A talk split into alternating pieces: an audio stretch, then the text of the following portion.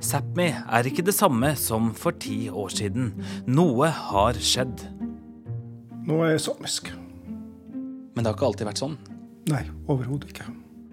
Kanskje har vi aldri vært flere som er stolte over å være samisk. Det er akkurat som at du har en familie som ikke er familien din. Herregud, for et mangfold. Jeg gikk og snurra rundt i stua hjemme, og jeg spurte han pappa om ikke jeg var fin, og nei, det var skikkelig trivelig å få ei kofte. Jeg var så stolt.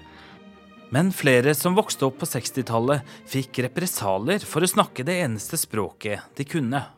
Nei, det skal være forbudt å prate samisk. Og jeg glemte det gang på gang, og ble putta i skammekroken. Hele tiden. Selv i dag utsettes samer for oppførsel som tilhører en annen tid.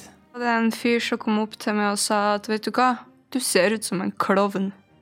Og så flirer han med ansiktet, så gikk han. Hvorfor i verden skal vi tåle det? Hvorfor skal vi tåle det at noen eh, sier grovt nedsettende ting om oss i full offentlighet? Den tida er forbi. Å få tilsendt en sånn tekst Jeg har aldri grått så mye i hele mitt liv. Vi kan snakke om temaer som vi før var tause om. Jeg tenker på vold, LHBT, altså homofili og, og andre eh, seksuelle orienteringer i det samiske samfunnet. Jeg syns vi nå snakker om temaer som var veldig vanskelig å løfte for 10-15 år siden.